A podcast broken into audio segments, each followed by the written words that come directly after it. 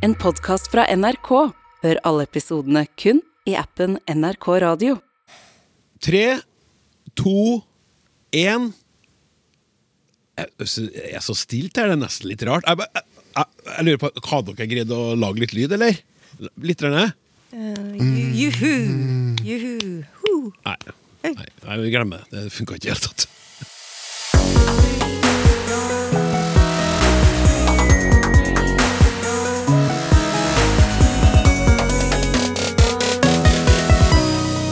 Vi skriver Australia, August og Aurora med A, men Europa med E. Hvorfor det? Hva skal til for at utenlandske ord endrer skrivemåte på norsk? Og bolse, er det bra eller dårlig? Og om du ser tjonsk ut, hvordan ser du ut da? Back to life, back to reality, sang gruppa Soul to Soul i det herrens år 1989, og sannelig har ikke den legendariske tekstlinja gyldighet også i dag. Språksnakk er tilbake i Studio 13 på NRK Tyholt, få dager etter å ha opplevd fullt kok på Litteraturhuset i Trondheim. Det var artig, og det skal vi gjenta, men som noen så klokt har sagt, livet består stort sett av hverdager. Og super sending skal det uansett bli, for dette programmets kjerne og viktigste mandat er jo å svare på spørsmål fra dere som hører på. Ferdig snakka! Er det noe du lurer på, skriv til oss. Snakk krøllalfa.nrk.no, eller tast inn kodeord 'snakk' i en tekstmelding som du sender til 1987. Tre språkforskere sitter klar til innsats. De får ikke brakapplaus som i forrige uke, men de skal få jubel fra meg. Her er Anjo Klungervik Grinål fra Institutt for språk og litteratur, sammen med sin kollega fra samme institutt, Stian Horstad.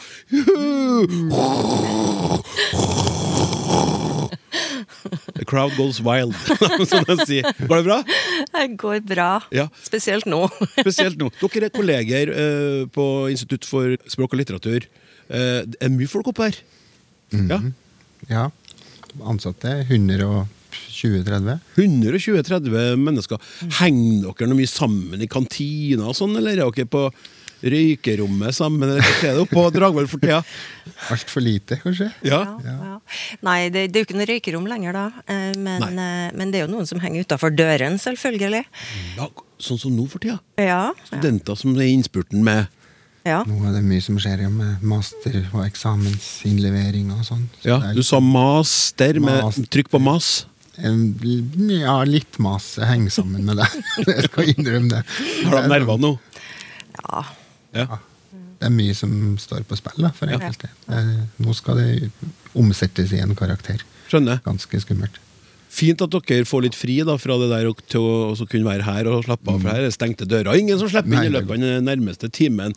Og så har vi også med oss hovedredaktør i NAOB, Det norske akademis ordbok, Hanne Lauvstad. Hjertelig velkommen. Ja, tusen takk.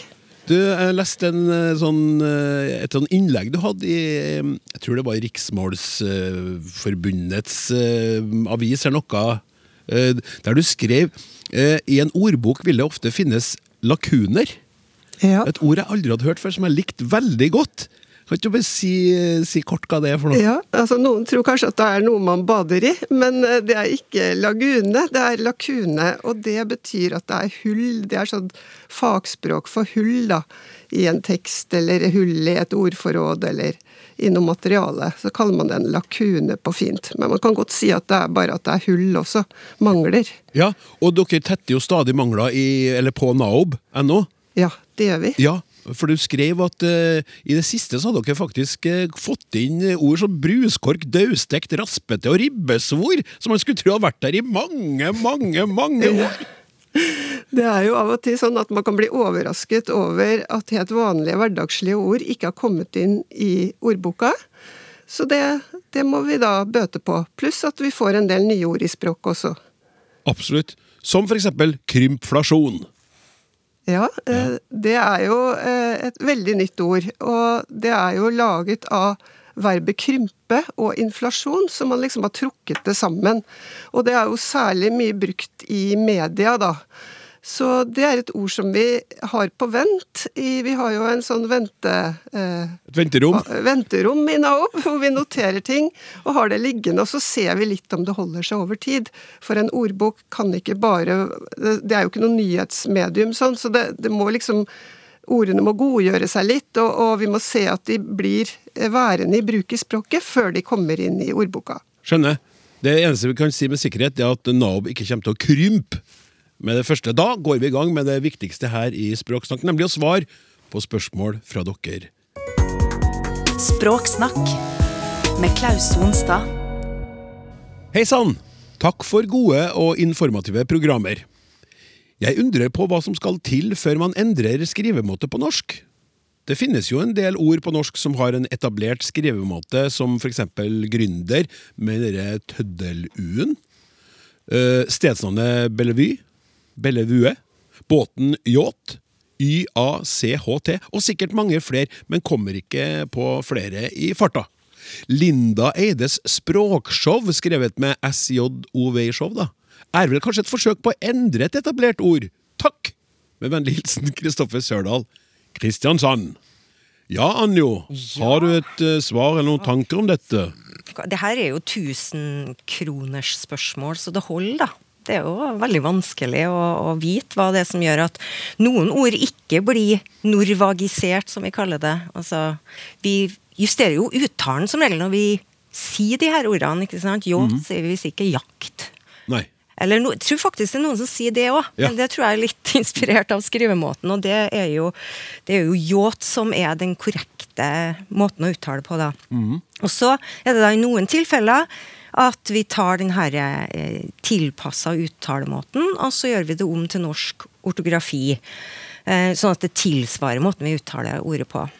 Men ikke i alle tilfeller, da. Og Kristoffer her gir jo en del gode eksempler på når vi gjør det, og når vi ikke gjør det.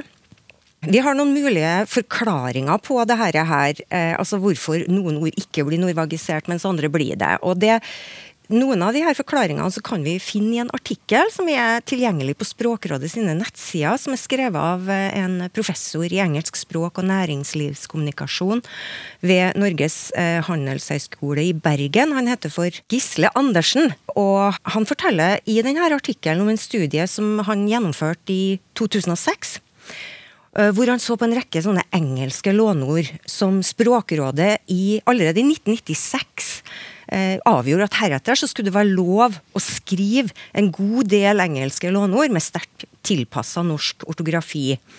Så du hadde f.eks. ord som fight, F-I-G-H-T på engelsk. Nå skulle det være lov for norske aviser eksempel å skrive F-A-I-T, fight. Oi! Ja. Og squash, den herre grønnsaken. eh, S-Q-U-A-S-H i engelsk stavemåte. Skulle man nå ha lov å skrive squash? S-K-V-Å-S-J. Unnskyld at jeg flirer. Ja, ja. og det, det at man flirer, er kanskje litt av forklaringa her, men det skal jeg komme litt tilbake til. Men, men hva var det som skjedde da, eh, når Språkrådet bestemte det at det her skulle være lov? spurte Gisle Andersen. Norske nettaviser, som var liksom det tekstkorpuset som han undersøkte, begynte de å benytte seg av det her nor norvagiserte formene. Så han søkte gjennom et svært, svært korpus, og så så han på hvilke norvagiseringer som da falt gjennom, som, som ikke ble plukka opp av journalister, og hvilke som fikk gjennomslag. Det ene som han fant ut som var kjempeinteressant, det var at altså, han fant 265 000 låneord i det her materialet. Og av de låneordene så var det kun 7,5% som var brukt i sin norvagiserte, altså tilpassa form. Ja. Så det var ikke mye. Det her var jo engelske låneord, ikke sant. Vi har jo også låneord fra andre språk, selvfølgelig. Det så vi jo i den lista med ord som Kristoffer kom med. Men altså, kun 25% og det kan jo selvfølgelig ha litt å gjøre med engelsk er et språk vi kjenner godt. Det er et språk eh, vi ser, har sett litt opp til. Så vi vil gjerne beholde liksom det engelske ved de ordene. Det kan jo være en, en forklaring, da. Gisle Andersen han, han mente altså for det første at det her, her eh, betyr at norvagisering, det tar tid. Ja. For det her, her var jo en 15-årsperiode fra Språkrådet sa det her, her, og til han kom med sin studie. Så det tar tid. Eh, en annen ting som han fant ut som, at, eh, som avgjorde om et ord ble norvagisert eller ikke, det var at konteksten er en viktig faktor. Altså hvilke andre ord som ordet opptrer sammen med. Som for eksempel at hvis at det er et helengelsk uttrykk som straight flush, hvis vi tar ordet straight, da, som fins Vi kan skrive det med den engelske måten, stavemåten, eller vi kan skrive det S-T-R-E-I-T, ikke sant? Ja, det, det har jeg sett, Ja. mer enn det squash-eksempelet ditt. Og, Ikke sant? Men jeg skjønner. Straight flush, ja. Straight flush. Hvis at det, det kommer i et sånt helengelsk uttrykk, så, så får vi den engelske stavemåten. Straight forward, for eksempel, et annet, annet eksempel. Men det han eh, Andersen fant, da, eh, det var at når straight var kombinert med norske elementer i sammenskrivinga, som halvstreit, ikke-streit, liksom-streit, da brukte eh, journalisten den norske stavemåten. Ja. Sånn at konteksten har noe å si. En annen viktig faktor det er om den norvagiserte formen av ordet kolliderer med en allerede eksisterende norsk ordform, mener han. Akkurat. Fordi at da kan det bli en fare for at man blander ordene sammen. Så for eksempel det engelske ordet kick. K-i-c-k, altså spark. Det bruker vi jo på norsk. Eh, Vi sier kick, samme som, eh, som de, de, de engelske gjør. Og her kunne man jo sett for seg den norvagiserte formen eh, K-i-k-k. Men det, der har vi en et annet ord som skrives på samme måten, nemlig kikk. Nettopp. Og kikke. Jeg fikk et skikkelig kick av å kikke på hun dama! Ja. Hun var så fin! Å kikke på, for eksempel, å kritisere noe, Ja. kontra å kikke på. Mm. Ikke? De, de to vil da, ville da ha blitt skrevet akkurat likt, og det kunne ha blitt forvirrende. Så isteden så skriver vi altså når vi kikker på noe, så skriver vi det med CK. Mm. Rett og slett for å skille det ene fra det andre. Men dette her forklarer jo ikke alt, da. Eh, fordi at for eksempel så skriver vi Vi skriver jo cool. Altså det engelske ordet C-O-O-L skriver vi jo kul. K-U-L. Og det krasjer jo med, med det norske ord, ordet kul. Så vi har jo masse sånne eksempler som, som tilsier at dette her ikke nødvendigvis er noe er det, liksom et avgjørende svar for det her tusenkronersspørsmålet. Og yacht, for eksempel. Hvis, hvis vi skal skrive det J-Å-T eller J-Å-T-T, kolliderer jo ikke det med noe annet ord på norsk. Nei. Men det høres og ser bare litt rart ut. Så en ting som jeg tenker som kan være en annen mulig forklaring, er rett og slett at når vi, den norvagiserte formen ikke ser ut som noen andre ord vi har på norsk, så, så ler vi litt. Vi syns det høres litt rart ut. Squash, Ja. yacht. Ja. Det, det ligner ikke på andre ord, sånn visuelt, eh, i språket vårt. Sånn at rett og slett rarhetsfaktor, kan vi kalle det da. Litt sånn uvitenskapelig, men, men jeg tror den er der. Ja. Og så kan det her med etablerte konvensjoner ha noe med saken å gjøre, sånn f.eks. at Bellevue ikke nå staves med VY til slutt. Det kan jo ha å gjøre med at det er et stedsnavn. Det kan sitte lenger inne og, og endre på et stedsnavn. Det er opprinnelig fransk, ikke sant. Det som er interessant her, da, det er jo Vy, det er jo eh, tidligere Norges statsbaner. Ja. Altså Vy, de har jo norvagisert. Eh, noe som i alle fall jeg tolker som at VY kan være norvagisering av det franske VUE. For det betyr jo utsikt, ikke sant? Det er noe Ah, fremoverlent, Ah, fremoverpekende. Så jeg ser for meg at de kanskje kunne vært inspirert av det. Og visst Men, men, men bare, bare Anja, tror du nå at denne norvagiseringa i mindre grad foregår enn før? Eller er? For vi, jo, vi bruker jo engelsk mer og mer og mer. Skjønner du hva jeg mener? Ja. Ja, altså Da er vi jo inne på det her som Gisle Andersen sier om at ting tar tid. da, Ja. Når det gjelder norvagisering. Og nå er det jo så mange låneord at vi rekker jo ikke om å, å, å integrere alle i et tempo som, eh, som alle vil være fornøyd med. i alle fall. Noen syns jo det er helt uproblematisk at vi ikke norvagiserer, men og syns til og med det er dumt at vi norvagiserer, for dette ordene har jo en staving, og det må vi jo respektere og forholde oss til Ja. til, til spørsmålet om Linda Eides språkshow, da, hvor, hvor, hvorfor staver Linda Eide språkshow med SJOV, når vi andre staver det med SHOV? Eh, altså, når eh, Vy da kanskje velger seg en litt sånn eh, uvanlig norvagisme, som vi ikke er vant til å se, og når Linda Eide velger seg show med SJOV JOV istedenfor det vanlige show, så, så, kan også sånne, sånne, uvanligheter ha en tendens til å trekke oppmerksomheten vår mot ting. Ting mm. som vi vil reklamere for, ting vi vil at folk skal legge merke til spesifikt. Så, så det kan være at både vi og det her språkshow-folkene har hatt litt i bakhodet at dette her vil være noe som, som hmm, så snedig. Så ja, ja. Det er ja. som, eh, som, i, i USA, vet du, så dere hardmetallbandet Korn, som skrev med K, ja. og Carpe Diem, mens de het det, hadde jo det med K istedenfor C. Ja. Og da legger du merke til, så blir det en sånn slags uh, Ja, skjønner. Jeg er med på den. Ja. Takk skal du ha.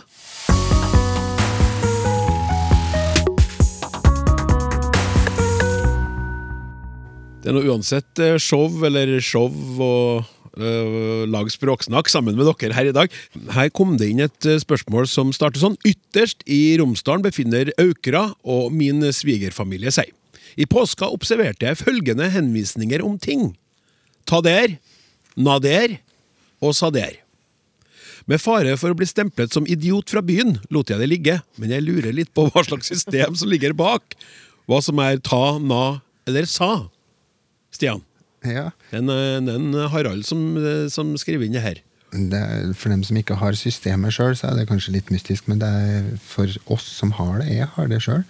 Altså, det her er et sånn sørvestlig Trøndelag og Nordmøre, Romsdalen og nedover som har systemet. Og det er ikke så mye mer mystisk at det er kortform av denne og dette og disse. Så det er altså ta, na og sa som er slutten på dette, denne og disse. Sier du det? Mm. For jeg har hørt deg elske deg òg. Jeg trodde det, var, det handla om som, som, at det var uh, nader uh, At det hadde noe med avstand å gjøre. Det har ta der og na der. Ja, det kan det, for det her er jo der meg i tillegg, for å presisere det. Men mange av de talemålene som har denne ta, na og sa, har òg i hvert fall tradisjonelt forskjell på nettopp den her this and that, nærhet og distanse, sånn at den har forskjell på ta og te. Altså det som er nærmere meg sjøl, det er te til glasset her og ta glasset der som har med lengre avstand. Det begynner nok å krympe inn dem som bruker den distinksjonen der, men det, det fins, og det har jeg. Og tæ og ta, næ og na. Så det følger altså eh, både kjønn og, og tall, men det, det, er jo det samme som i dette og denne og disse. Det, det spiller jo inn om det du da peker til, har ei flertallsform eller eh, hokjønn eller intetkjønn, eller hankjønn. Eh, og så er det da den sluttdelen av ordet som blir videreført i tana også. Og så her mistenker jeg jo da at det her ta og te-systemet begynner å forsvinne når du må hekte på der fordi du trenger å vise fram den avstanden. For her er det åpenbart noe som er lenger unna enn ta her. Så ta der og ta her blir sikkert brukt da som erstatning for ta og te. Ja.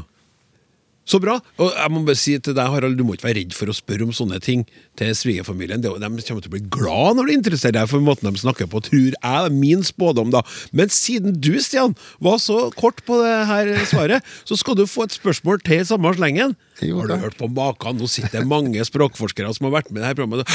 Hæ! Er det mulig? Ja, det er det. Her kommer det. Å bolse betyr det å skryte. Min mor brukte det på 80-90-tallet. Har ikke hørt det siden. Vet ikke om det er korrekt stavet. Takk for et til tider fengslende program. Jørgen Varpe Ulsteinvik. Jeg syns det er helt greit, det. Det må være lov til å moderere seg litt. Helt enig. Eh, Bolse Bolse, ja. Jeg nesten tror ikke jeg har hørt det. Jo, jeg har hørt det, men da ikke i den betydninga. Nå tippa jeg at Jørgen Varpe kommer fra Ulsteinvik, eller kanskje har han det etter etternavn, men geografisk så stemmer det med at det har den betydninga. Men hvis jeg tar den mest brukte, og den som også står i nynorskordboka og NAOB, da, så handler det om å være litt eh, arbeidssky, rett og slett. At du bolsa, du skulka, du sluntrer unna. Skofte. Og den, det er nok den som er mest brukt. Eh, at du ja, ikke orker å jobbe. Og um, ja, den er fra Midt-Norge og mye nordover. Og spesielt i litteratur fra krigen så er rett og slett bolsing det er et slags sabotasjemåte. At arbeidere jobba saktere, som jobba for tyskere. da, De bolsa. Altså rett og slett gå sakte-aksjon. Så da er det ikke bestandig nødvendigvis negativt, men stort sett så er det jo bolse. Da er du ikke spesielt eh, ivrig på jobben. Så det er den, den betydninga som er mest utbredt. Telemark så er det brukt om å, å streve eller å bale med noe. Og så er det det her nordvestlandske versjonen som er fra ja, Sunnfjord og nordover, som har med å skryte. Og da er du, det er nokså annen betydning, da. Altså det har et annet semantisk felt. Da handler det rett og slett om at du eh, framhever deg sjøl, at du driver med sjølskryt. Altså ikke hvilket som helst skryt, men det er kanskje oppfatta som litt dårlig begrunna skryt. Så en bolsar er da i dette området en som kanskje overdriver og ikke har grunnlag for å skryte så voldsomt. Ja, han er en rettelig bolsar. Han sier at han driver og jobber så gærent, men han gjør ingenting. Han driver og bolser, faktisk. Hvorfor det har så vidt forskjellig eh, betydning, det er jo et mysterium. Og det er òg et mysterium hva som er bakgrunnen her. De har ærlig talt ikke noe godt svar hvor det kommer fra. Det kan tenkes et gammelt ord som heter bolsa, som har med å arbeide tungt og klossete Det har altså en forbindelse med bul, eh, det som er tjukt. Altså det har ei rot som har rett og slett med både ja, ball og belg. Det er noe oppblåst, oppsvulma, noe tjukt og mm, sakte. Ja. Kanskje. Ja. Men Bule. òg, ja. Så- Bule? Ja. Ja. Sånn at den her Som i Klubblokalet. Ja, nettopp. Klubblokale av, av eh, tvilsom sort. Eh, Eller kanskje bale. Ja, det òg. Ja.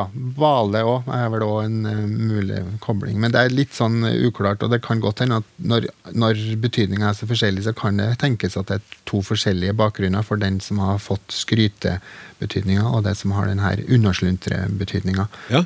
Men jeg vil gjerne høre fra bolsere der ute. Eller, eh, Av alle slag. Som, ja, bolsere av alle slag. Eh, hvis dere eh, hører til den ene eller den andre leiren, eller har vokst opp med og hørt, hørt uttrykket, så har det vært veldig hyggelig å høre fra dere til snakk krøllalfa.nrk.no eller til SMS eh, 1987 med kodeord 'snakk'.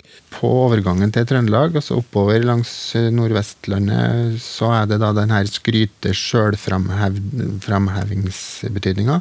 Og så er brekkpunktet omtrent du kommer inn i Trøndelag. Da er det plutselig unnaslunter og latmann og litt sånn arbeidssky. Brekkpunkt Trøndelag der, altså.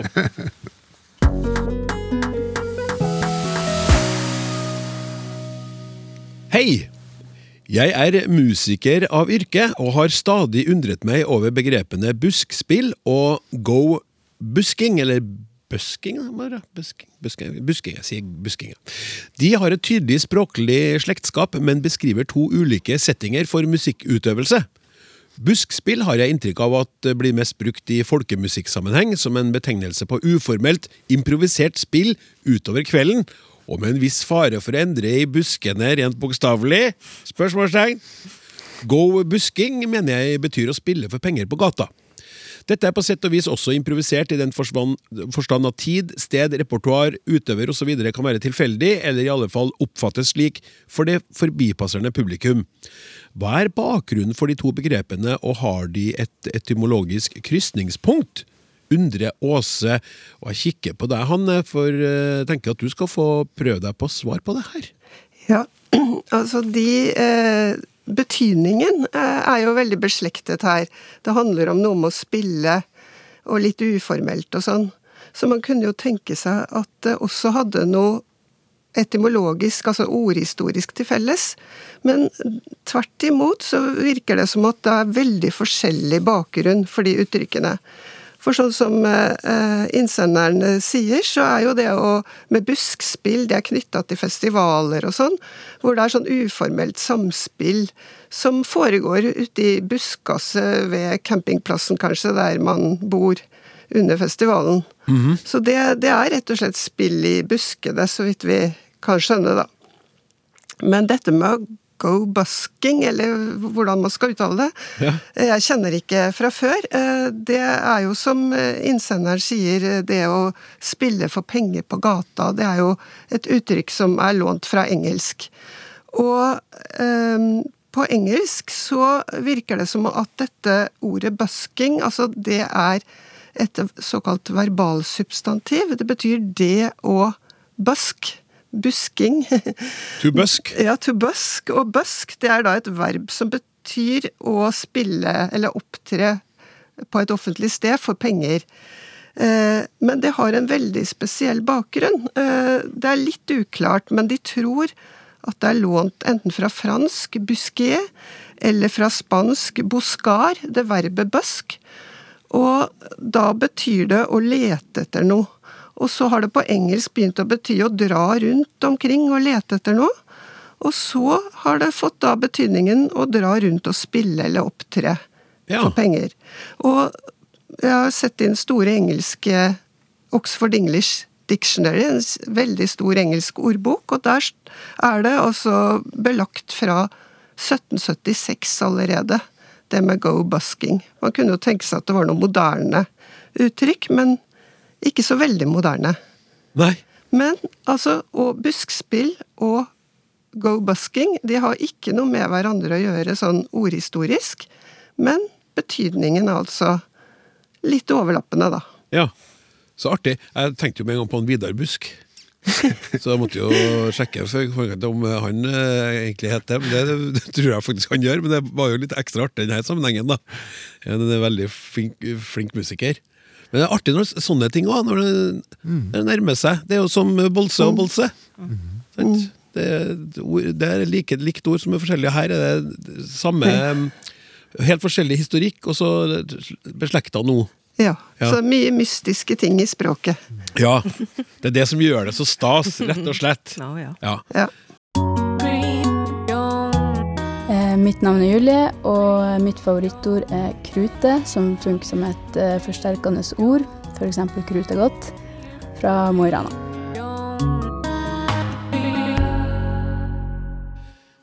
Ja, Siden vi skriver Australia med A, er det ikke merkelig at eh, Europa skrives med E, spør en lytter som snart får svar her i Språksnakk. Men først så skal vi til noen tilbakemeldinger fra dere. Det handler om UFN FN. Hei sann, Språksnakk. Jeg liker programmet deres, men hører til stadighet ting jeg reagerer på. For eksempel, når dere sier at ordet FN ikke finnes, men jeg fant det. FN kommer fra tysk, engelsk, FN, even, even. Ikke UFN betyr ikke ujevn, skriver Fredrik Risan. Vi snakka om uh, UFN i sending, jeg tror det var to sendinger siden. Og så skriver Espen her. Hei, Klaus og co. Hørte det ble påstått fra studio at det ikke er noe som heter FN-t. I beg to differ, som engelskmannen så diplomatisk sier. Lån bare øret til gruppen Trang fødsel og deres landeplage fra 1998, Drømmedame. Der heter det blant annet i refrenget Vi vil ha en drømmedame, en- FN fjellg og fin dame. Jeg vil kalle det en FN-tekstlinje, skriver Espen. Og det tenkte jeg, det må vi sjekke ut. Så har funnet det klippet fra Drømmedame her, så må vi høre. Hvem vi treffer den vi venter på. Vi vil ha en drømmedame, en fjell og fin dame, sånn som man kan se på kino. Det gikk fort, men jeg tror FN ble slakt der. Jeg hørte ikke. Nei, det var for at jeg har sunget noe helt annet. Jeg skal ikke si hva jeg har sunget i alle de år.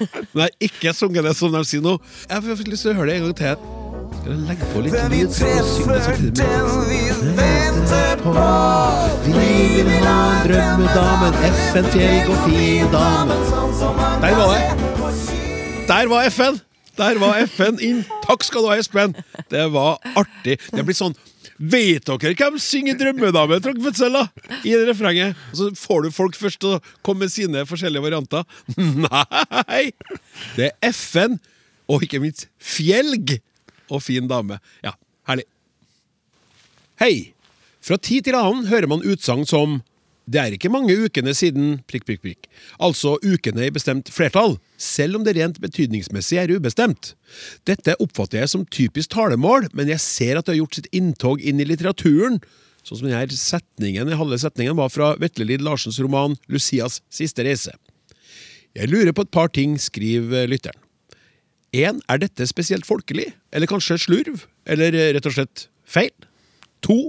er det en ørliten nyanse mellom variantene? Mange uker og mange ukene? 3. er dette et kjent fenomen? Og har det et navn innen språkvitenskapen? Beste hilsen Rudi Kessel. Rudi Kessel, for et navn. Anjo, vær så god. Yes. Takk, takk, takk. Um, ja, er det her nytt? Det har gjort sitt inntog i litteraturen, sier Rudi. Og svaret på det er vel nei. Um, og her må jeg nesten kreditere Stian, fordi før programmet så fikk jeg uh, en hel masse tips om at ganske så gammel litteratur uh, har også tilfeller av det her uttrykket her. F.eks. Jonas Lie i Gå på fra 1882.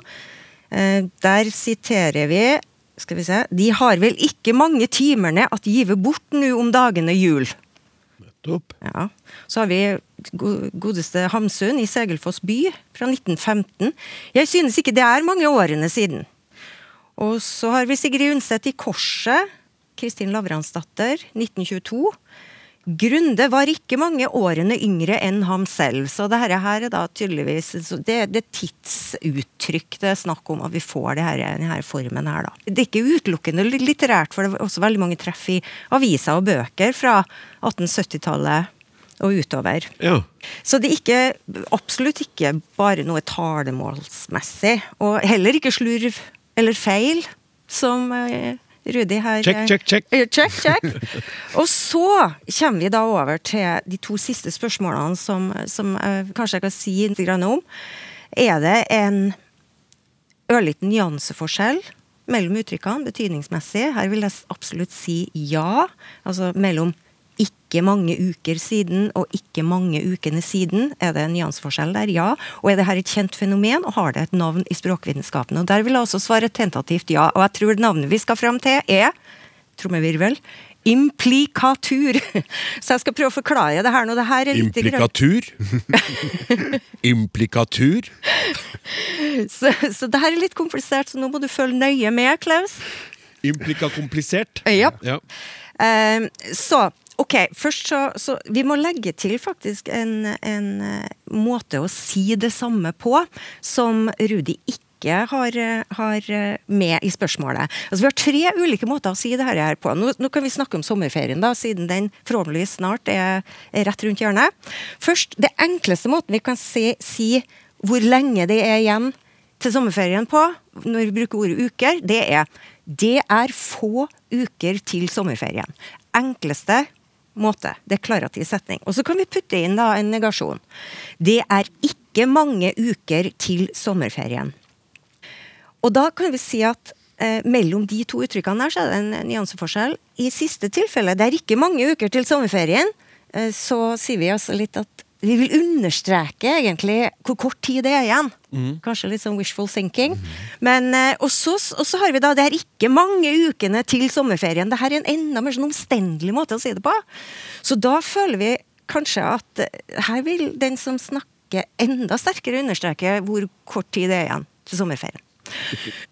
Eh, Hvorfor oppstår det her fenomenet? Altså at når vi snakker i enkle deklarative setninger, så, så, så er betydningen på en måte det, det ordboksbetydningen av ordene i sum.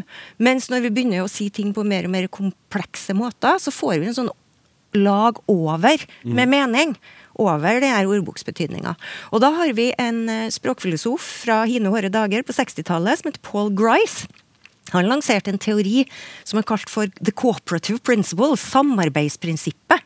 Og det går på at vi, når vi samtaler med hverandre, så samarbeider vi. Vi følger noen uskrevne regler.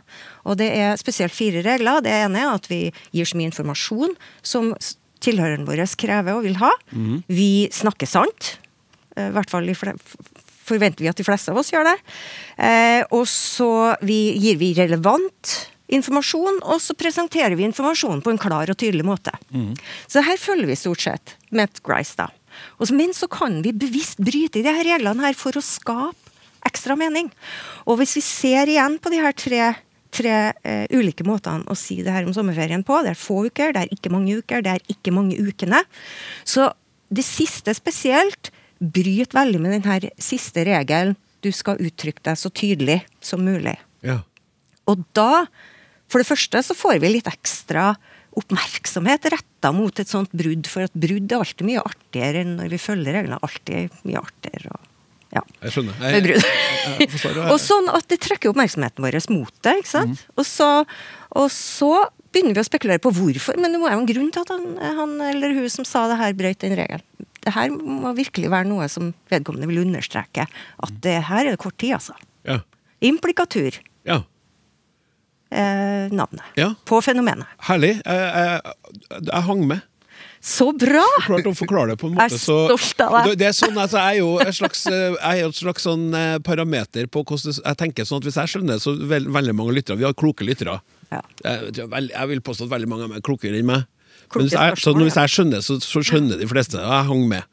Så hvis du ikke hang med nå, kjære lytter, så må du si fra. da Send en SMS til 1987 med kodeord 'forsto absolutt ingenting', så skal vi se nærmere på det. Språksnakk i appen NRK Radio. Nå eh, skal vi gå over til en eh, e-post som starter med skryt. Og vi har jo sagt fra om det i dette programmet at man må ikke skryte. Man trenger ikke å skryte. Det er ikke et, et, et eh, såkalt must for å komme på luften. Absolutt ikke. Og det har blitt litt mindre av det, derfor er det artig å lese det opp når det kommer. Hei, og takk for et flott program. Det er til tider en sann fryd å lytte på dere. Kunnskapsrike og joviale som dere er. Da tar jeg på meg det at jeg er jovial, og dere er kunnskapsrike. jeg har et enkelt spørsmål, men først litt om diftonger. En gang langt tilbake i forrige århundre lærte vi om diftonger. Vi lærte at diftonger er to vokaler rett etter hverandre, som til sammen blir en ny lyd og en ny stavelse. Det er jo et veldig lærerikt eh, innlegg, vil jeg si. Vi lærte disse dif diftongene. A pluss I uttales ai, som i hai og kai, men ikke i Haiti. A pluss U uttales au, som i sau og tau. jeg sier jeg på bokmål her nå. EI uttales ei, som i hei og lei, men ikke i protein. Ø pluss Y uttales øy, som i øy, øy, som i øy, høy og drøy. O pluss I uttales oi, som i joik, koia og paranoia. Ok, da nærmer vi oss spørsmålet. Bare en liten omvei til. Jeg har nettopp blitt bestefar til en nydelig datterdatter som heter Aurora. Foreldrene er opptatt av at jenta skal ha et navn som låter likt, og som lett kan sies på mange europeiske språk. Men eh, hvordan skrives det? spurte jeg i min enfoldighet. Men pappa, da, sa mora lett oppgitt, det er jo bare én måte å skrive det på. Men er det ikke akkurat samme lyden som i verdensdelen vår, sa jeg, som i Europa? Så da ble vi plutselig opptatt av det. Hvorfor skriver vi Europa med E og ikke Europa med A, som i Australia, August og Aurora? Vi leste oss til at navnet Europa har uviss opprinnelse og betydning, men at det nok var betegnelse på steder allerede flere århundrer før vår tidsregning. Men lenger kom vi ikke. Derfor ble vi enige om å søke hjelp og forklaring hos ekspertene i språksnakk. Så dette er spørsmålet. Hvorfor skriver vi, vi Europa på den måten vi skriver det? E pluss U er vel ingen diftong? Og bare bokstavene EU er, jo- er blitt forkortelsen for Den europeiske union. Så hvorfor skriver vi, og nesten alle andre land i Europa, også Europa med E? Med vennlig hilsen Trond Andreas Enger. Du verden. Stian. Ja. Um, ja, godt spørsmål. Det um, eh, har jeg forklaring. Bare kan jeg avsløre eh, først som sist. Men først litt om diftonger. Eh, det er viktig å huske på at det her handler om lyd. altså Det er det uttalte, og det stemmer ikke med skrift bestandig. På norsk stemmer det ganske ofte, så du kan stort sett eh, stole på at det gjengis da, som to vokaltegn. Men bare tenk på det relativt kjente språket engelsk. Eh, en i er jo en diftong. En I, altså det viktigste ordet for engelskmenn, I, det skrives jo bare med en i. Men lyden er en diftong. Og cold, altså at det er kaldt, C-O-L-D, skrives ikke som noe diftong, men det uttales som en diftong. Sånn at en sak her er der eh, forholdet mellom skrift og tale. og der er det mange eksempler på at engelsk har mange flere diftonger enn det som kommer på trykk, for å si det sånn.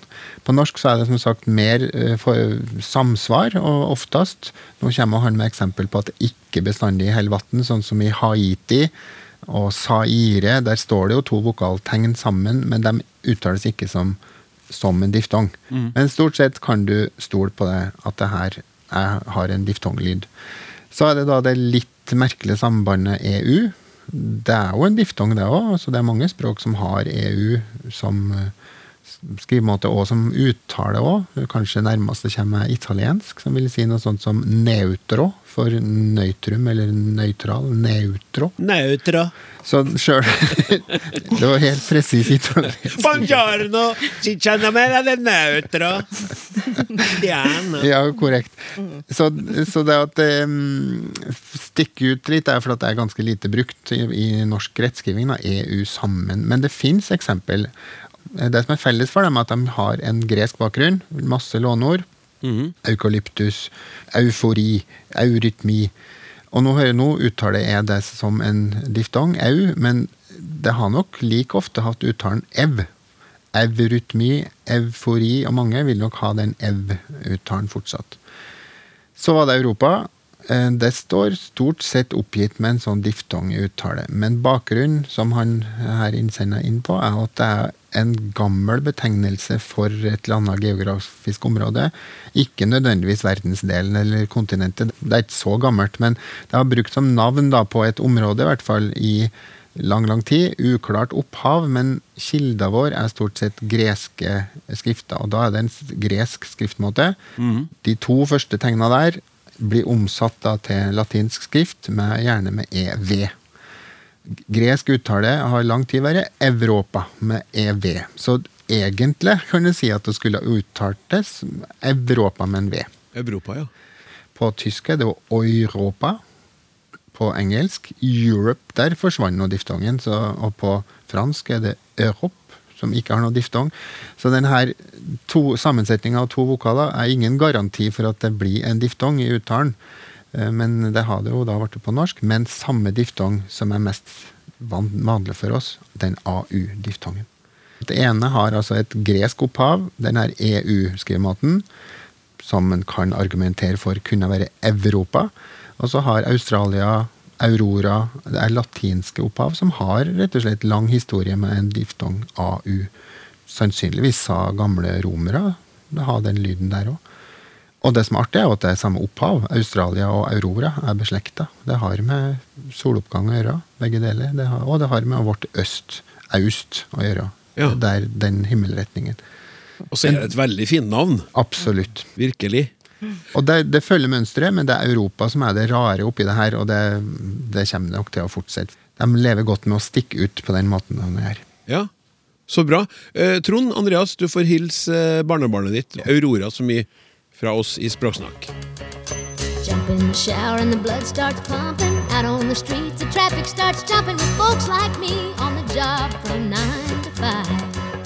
Working nine to five.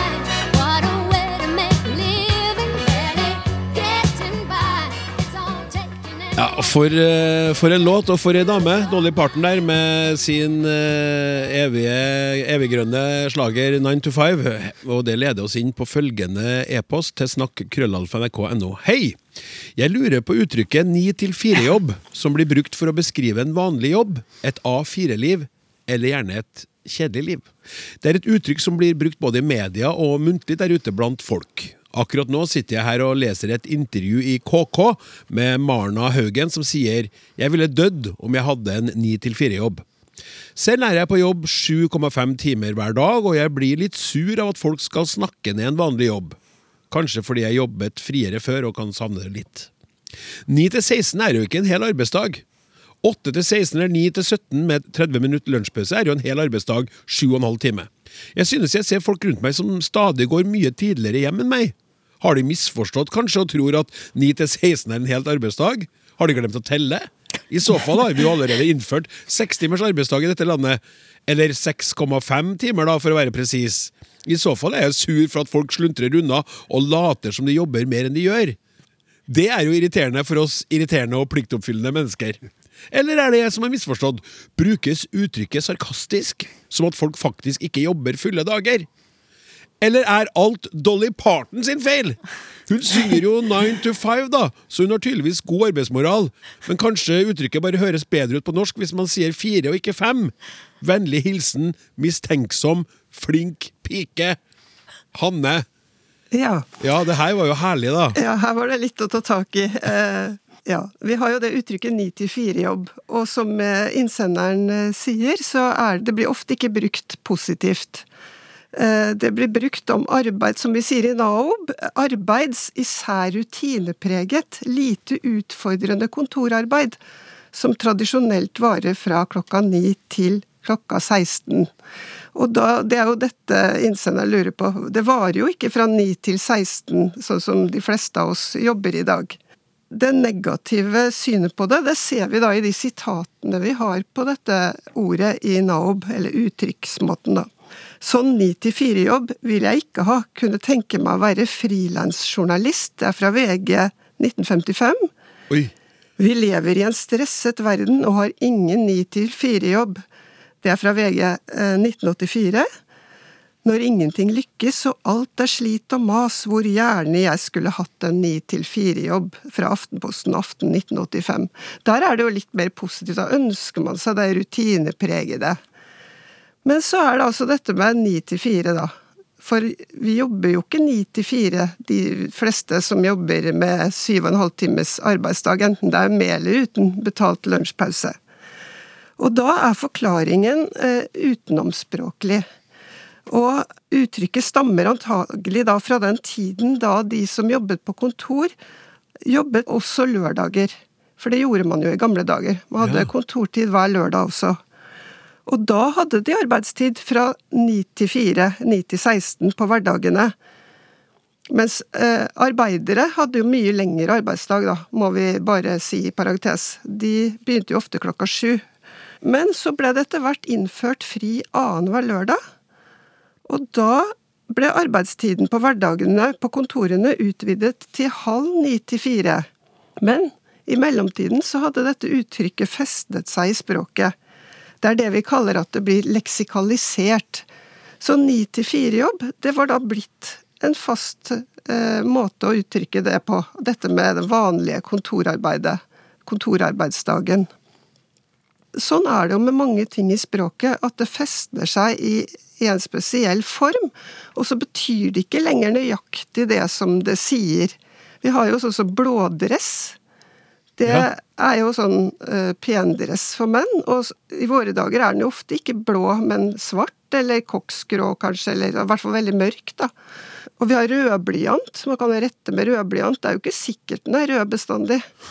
Så det, det er sånn som vi kaller at Det er ikke sikkert at det er blyant engang, det kan være tusj. ja, kanskje det. Ja. Men vi kaller det rødblyant, ikke sant? Og det, det er sånn vi kaller at det blir leksikalisert. Det får en annen betydning enn det det sier bokstavelig, da. Det gjelder både uttrykk og enkeltord. Eller sånn sammensatte ord er det jo ofte.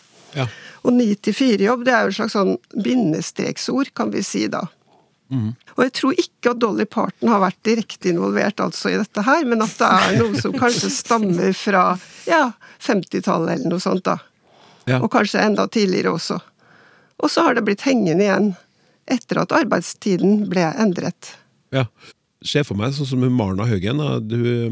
Ni til fire-jobb brukes fortsatt for å forklare hva du ikke ønsker deg, eller eventuelt ønsker deg fordi du hadde det veldig stressende i livet. Det har vært deilig med en sånn ni til fire-jobb, man bare kunne liksom gjort jobben sin og gått hjem uten å tenke noe mer på den jobben. Kan man jo si som frilanser, antar jeg, hvis man er frilanser og jobber på kontrakt. Hva vet nå jeg, som bare har gjort det i 20 år. Eh, Kanskje Dolly Parton henviste til amerikanske arbeidstider, da. ja, absolutt. Så Det tror jeg. De er nok eh, enda, enda røffere. Takk skal, takk skal du ha. Hei, jeg heter Thea, og favorittordet mitt er nydelig. Fordi det er et ord som brukes til å gi komplimenter for mennesker på utsida og innsida, og gir en generell beskrivelse.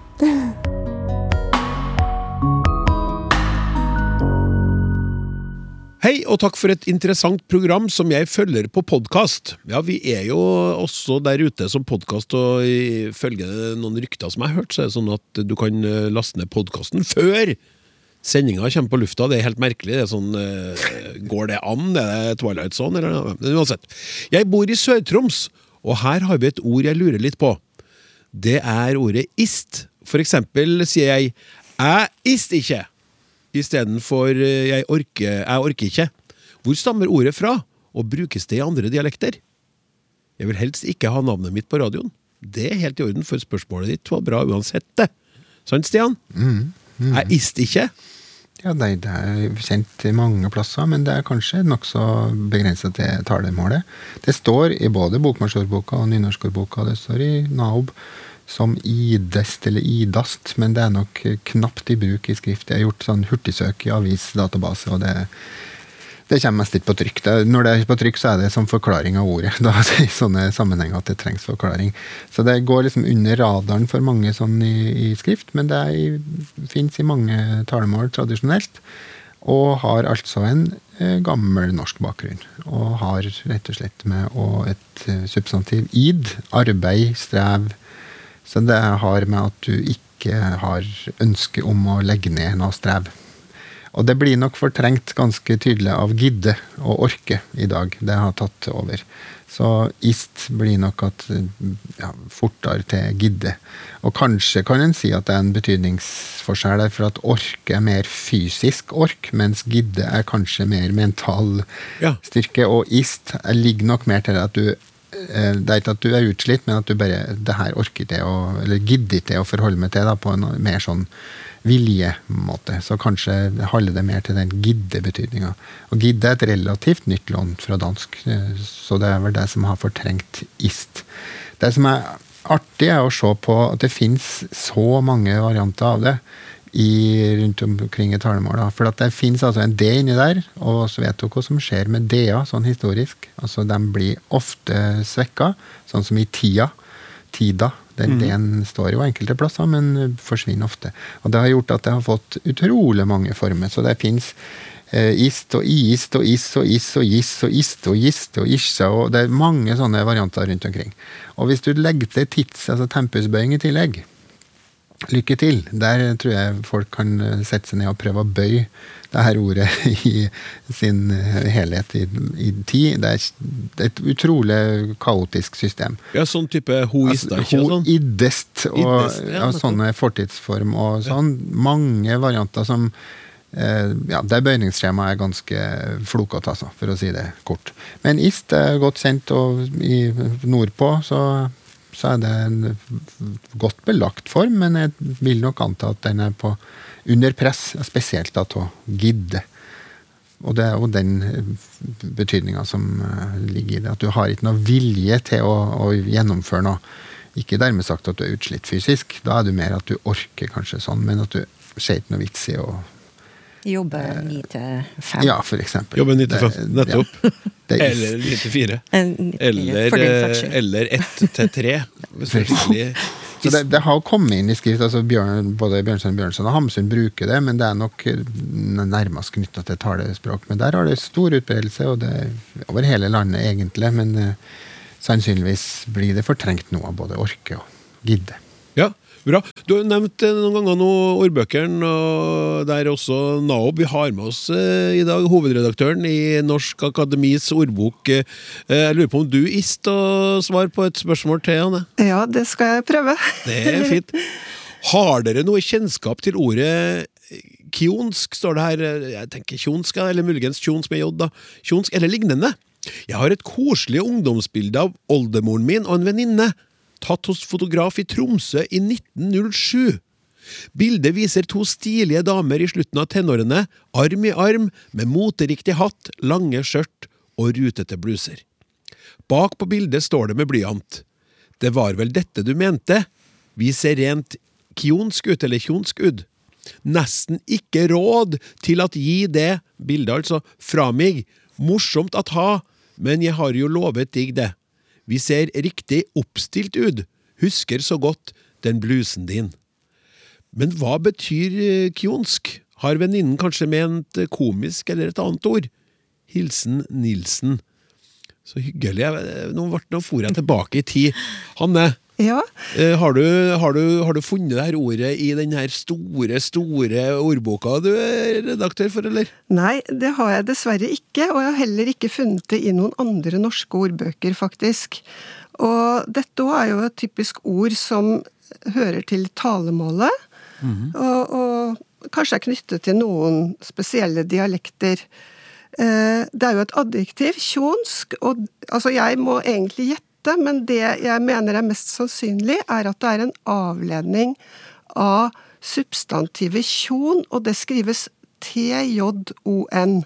Okay. Ikke med KJ, men det ut, altså TJ og KJ, sånn som i kjære, kjære og kjære. Det kan, det kan jo være enten med TJ, eh, substantivet kjære, eller kjær, altså adjektivet, ikke sant, med KJ. Så det hører vi jo ikke forskjell på. Så jeg tror at eh, hun som har skrevet bakpå det bildet med blyant, hun har skrevet det sånn som hun har uttalt ordet, og hun har sikkert ikke sett det noe særlig i skrift. Eh, og da skriver man jo gjerne sånn som man, det høres ut, og sånn som man er vant til å, å skrive ch-lyden. Det vanligste er jo med KJ.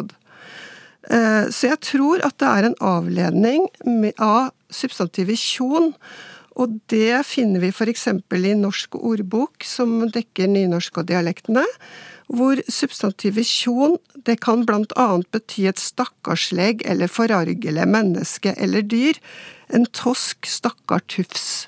Og da tenker jeg meg at hun har brukt den betydningen tosk, og når hun sier at de ser tjonsk ut, så tenker hun toskete. Eller kanskje stakkarslige, men toskete det, Eller er- tullete, eller sånn litt sånn tullete, eller litt komiske, som hun her foreslår at hun kanskje mener komisk. Og så i hvert fall betydningen er nok kanskje det at hun syns vi ser veldig toskete ut. Og det gjør det ikke, for vi har fått se det bildet, og det er jo to veldig fine og bykledde damer. Men er det ikke typisk at det er sånn damer driver og sier sånn at Vi ser jo helt sånn tullete ut, og hjelper meg! Og så er de egentlig kjempefine. Eh, eh, Anjo? hva Ja, vil du- nei, jeg syns det høres sannsynlig ut, men, men eh, akkurat det her ordet her minte meg også på eh, et ord som jeg hørte i min barndom, som bestemora mi brukte, og hun er trønder, da. Ja. Hun, når hun skulle ut i fjøset, for hun var gardkjerring, så gikk hun ut i fjøset og tjona for kyrne. Altså hun Ja. og, og, så, og så hørte jeg også ord om det var det samme ordet, eller om det bare er en sånn homofon, det vet jeg ikke. Men det ble sagt om ungdommer at de drev nå og tjona. Og det, når de drev og tjona, så gjorde de det som, som nå for tida heter å hooke. eh, tilbake til Ja, serien Skam du- her. Ja, ja. men du, du driver ikke og påstår nå at bestemora di var tjona med kyrne i betydninga hooke? Nei, men, men altså, likevel, det, er, det slår meg her, hvis jeg skal bruke fantasien, at det er en sånn svak semantisk eh, Ja. eh, sammenheng her da, mellom det å ha omsorg for dyr, kjone, stelle for dem, og det å kose seg, litt sånn mellommenneskelig kos. Ja, okay, greit. Men så jeg, så og- da, og da har vi tilbake til bildet her. De går arm i arm. Ja. De går arm i arm. Så jeg tenkte at eventuelt Ja, noe, det, et ja. alternativ kunne ha vært at å, det ser koselig ut. Ja. ja. Tjonsk. Koselig. Ja, men det er fi to Ja, fine, ja. fine teorier, det her. Det er teorier, for vi har jo som sagt ikke noe Vi har ikke noe bevis. Nei, men, men vil ikke det være helt vanvittig hyggelig hvis eh, det er noen eh, der ute som hører på nå, som kan bidra med informasjon om eh, kjonsk, tjonsk, kionsk til oss? Ja, det Til ville vært Hanne, kjempe... til Anjo, til Stian og til meg og til resten av eh, Språksnakkgjengen. Så da kan du skrive til snakkekrøllalfa.nrk.no, eller sende en SMS, en utfyllende kjonsk SMS, til 1987. Bruker du kodeordet 'snakk'. Språksnakk er ved veis ende. Tusen takk for at du ista å høre på. Takk også til våre tre eksperter. Jeg heter Klaus Sonstad. Vi snakkes.